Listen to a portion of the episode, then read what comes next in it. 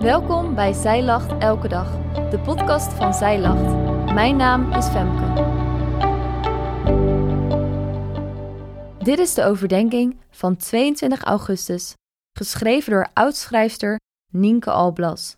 Elke ochtend doorloop ik hetzelfde ritueel voor de spiegel. Ik doe mijn haar en make-up, vervolgens kies ik mijn kleding uit en kies ik bij passende oorbellen. Ik werp nog een blik in de spiegel. We kunnen weer voor de dag komen. Het gaat niet altijd zo vlot. Soms raak ik onzeker van mijn spiegelbeeld. Het kan zelfs invloed hebben op mijn humeur. Maar dan vind ik troost in de gedachte dat God niet kijkt naar uiterlijkheden, maar naar ons hart. Zo heb je dingen die je hart kunnen sieren, sieraden voor het hart.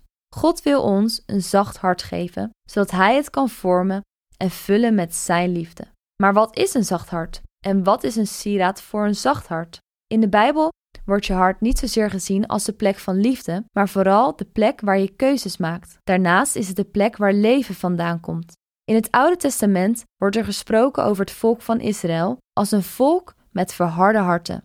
Een verhard hart is een hart dat verbitterd is, wrokkoesterd en keel is. Ons gevoel kan een sterke invloed hebben op onszelf en ook op onze omgeving. In Ezekiel doet God een mooie belofte aan Israël, het verharde volk. Dit staat in Ezekiel 36, vers 26. Hij zegt: Ik zal jullie een nieuw hart en een nieuwe geest geven. Ik zal je versteende hart uit je lichaam halen en je er een levend hart voor in de plaats geven. Hoe mooi is dat? God zal een nieuw hart en een nieuwe geest geven. En in de basisbijbel wordt de term levend hart vertaald als een warm, zacht hart. Als ik deze woorden lees, denk ik aan een hart van iemand die omziet naar anderen. Iemand die vergevingsgezind en liefdevol is. Deze omschrijving doet me vervolgens weer denken aan Jezus, op wie wij mogen lijken door Gods geest in ons. Zie jij de parallel?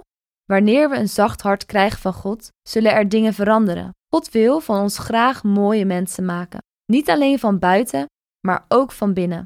In 1 Petrus 3 wordt een omschrijving gegeven van de schoonheid van de vrouw. Dit staat in 1 Petrus 3, vers 3 tot 4. Uw schoonheid moet niet gelegen zijn in uiterlijkheden, zoals kunstig gevlochten haren, gouden sieraden of elegante kleding, maar in wat verborgen ligt in uw hart, in een zacht en stil gemoed. Dat is een onvergankelijk sieraad dat God kostbaar acht. Hier schrijft Petrus over waar God naar kijkt. God kijkt niet naar je uiterlijk, hoe je haar zit of welke oorbellen je draagt. Hij kijkt naar je hart. Een zacht hart met een stil gemoed is een onvergankelijk sieraad dat kostbaar is in Gods ogen. Het vergaat nooit, het is eeuwig.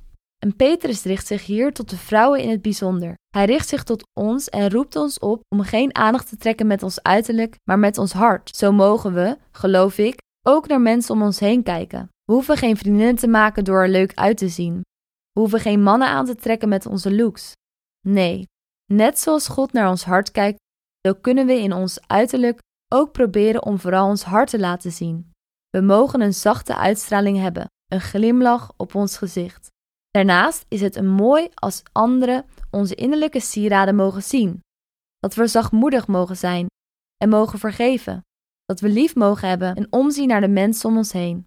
En dat we mensen een warm welkom heten. Open zijn over wie we zijn en waar we voor staan, zonder dit op een harde manier te communiceren. Moeten we dan maar altijd alles goed vinden? Dat denk ik niet. Maar hoe je jezelf verdedigt en hoe je overkomt wanneer je ergens niet mee eens bent, zal een stukje van een zacht hart laten zien. Het hart dat God je wil geven, zodat je Hem hiermee kan aanbidden. Voor de een is het vanzelfsprekender om op een zachte manier te reageren dan voor de ander. Zelf heb ik best een sterk temperament en moet ik wat meer letten hoe ik overkom wanneer ik mijn mening verkondig.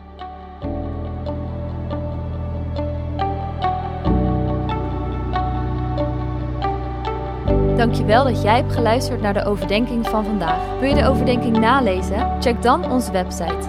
Je vindt er ook meer toffe dingen die jou helpen om de Bijbel vaker te openen, zoals boeken, Bijbels, cursussen en evenementen. Morgen ben ik weer bij je terug met een nieuwe overdenking.